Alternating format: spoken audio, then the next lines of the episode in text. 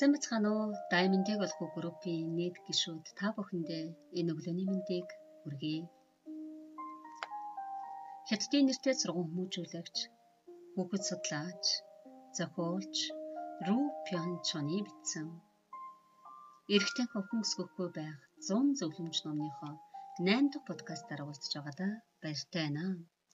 Өнөөдрийн маань сэдв багаас нь эерэг өөдрөг зан чанартай болгон өсгөрөө гэсэн сэдвээр өнөөдрийн подкастаа бэлтгэлээ.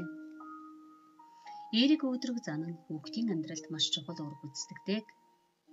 Сэтгэл зүйн өөдрөг байдал нь хүүхдийг хүсэл эрмэлзлээр дүүрэн байлгахад тусалж зоригтойгоор хүнд бэрхийг давн туулах боломжийг өгдөг. Мөн эерэг байдал нь хүүхдэд баяр баясгалыг төрүүлж өөтгөр гүнгээс ангид байлгаж чаддаг нэгэн жишээг хэлж өгье. Гинэт аадар бороосхон тэн тэний явхаар төлөвлөж байсан ням гаргийн төрсөн өдрийн үдшилэг цуцлагдав. Огны урам ихэд хугарав. Нүднээс нь нулимс сасгарах гэд байв.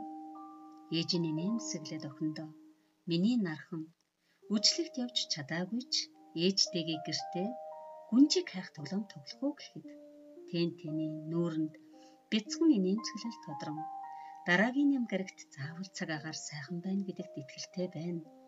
Тэр үед л найзуудтайгаа уулзахад болно тийм ээ гэлээ. Өөдрөг хүүхэд сөрөг сэтгэл хөдлөлөөс аль болох хурдан амжирч бүх зүйлийг эерэг талаас нь хардаг.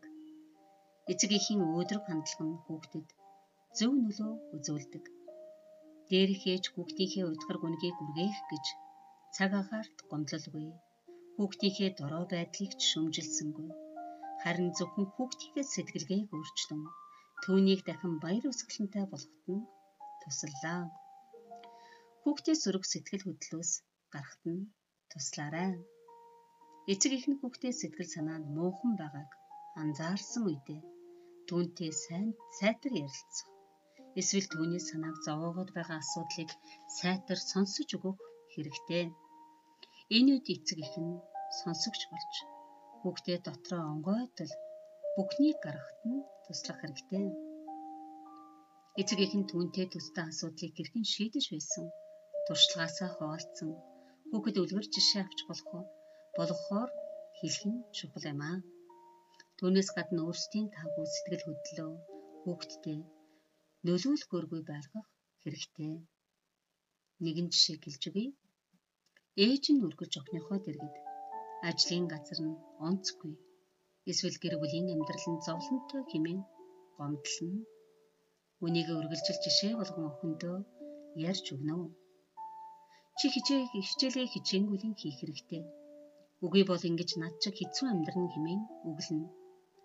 Түүний үр дүнд охин нь энгийн үед ч хөмсөг зангидсан царайтай явна. Мөн хичээл хийх үнэхээр хэцүү бөгөөд ангидаач найз нөхөдгүй хэмээн үгэлнэ. Амьдрал бүх зүйл санснаар болохгүй байсан ч бид зөвөр хандах хэрэгтэй. Эхлээд өөрийн сөрөг хандлагаас ангижрах хэрэгтэй. Ингэснээр хүүхэд чирэг өөдрөг хандлагатай болон өсөх болно. Өгөр өнөөдрийнхөө подкастыг өндөрлөж байна. Дараагийн дугаараа уулзтлаа төр баяртай анхаарал тавьсан сонссон та бүхэндээ чин сэтгэлээсээ талархлаа илэрхийлж байна.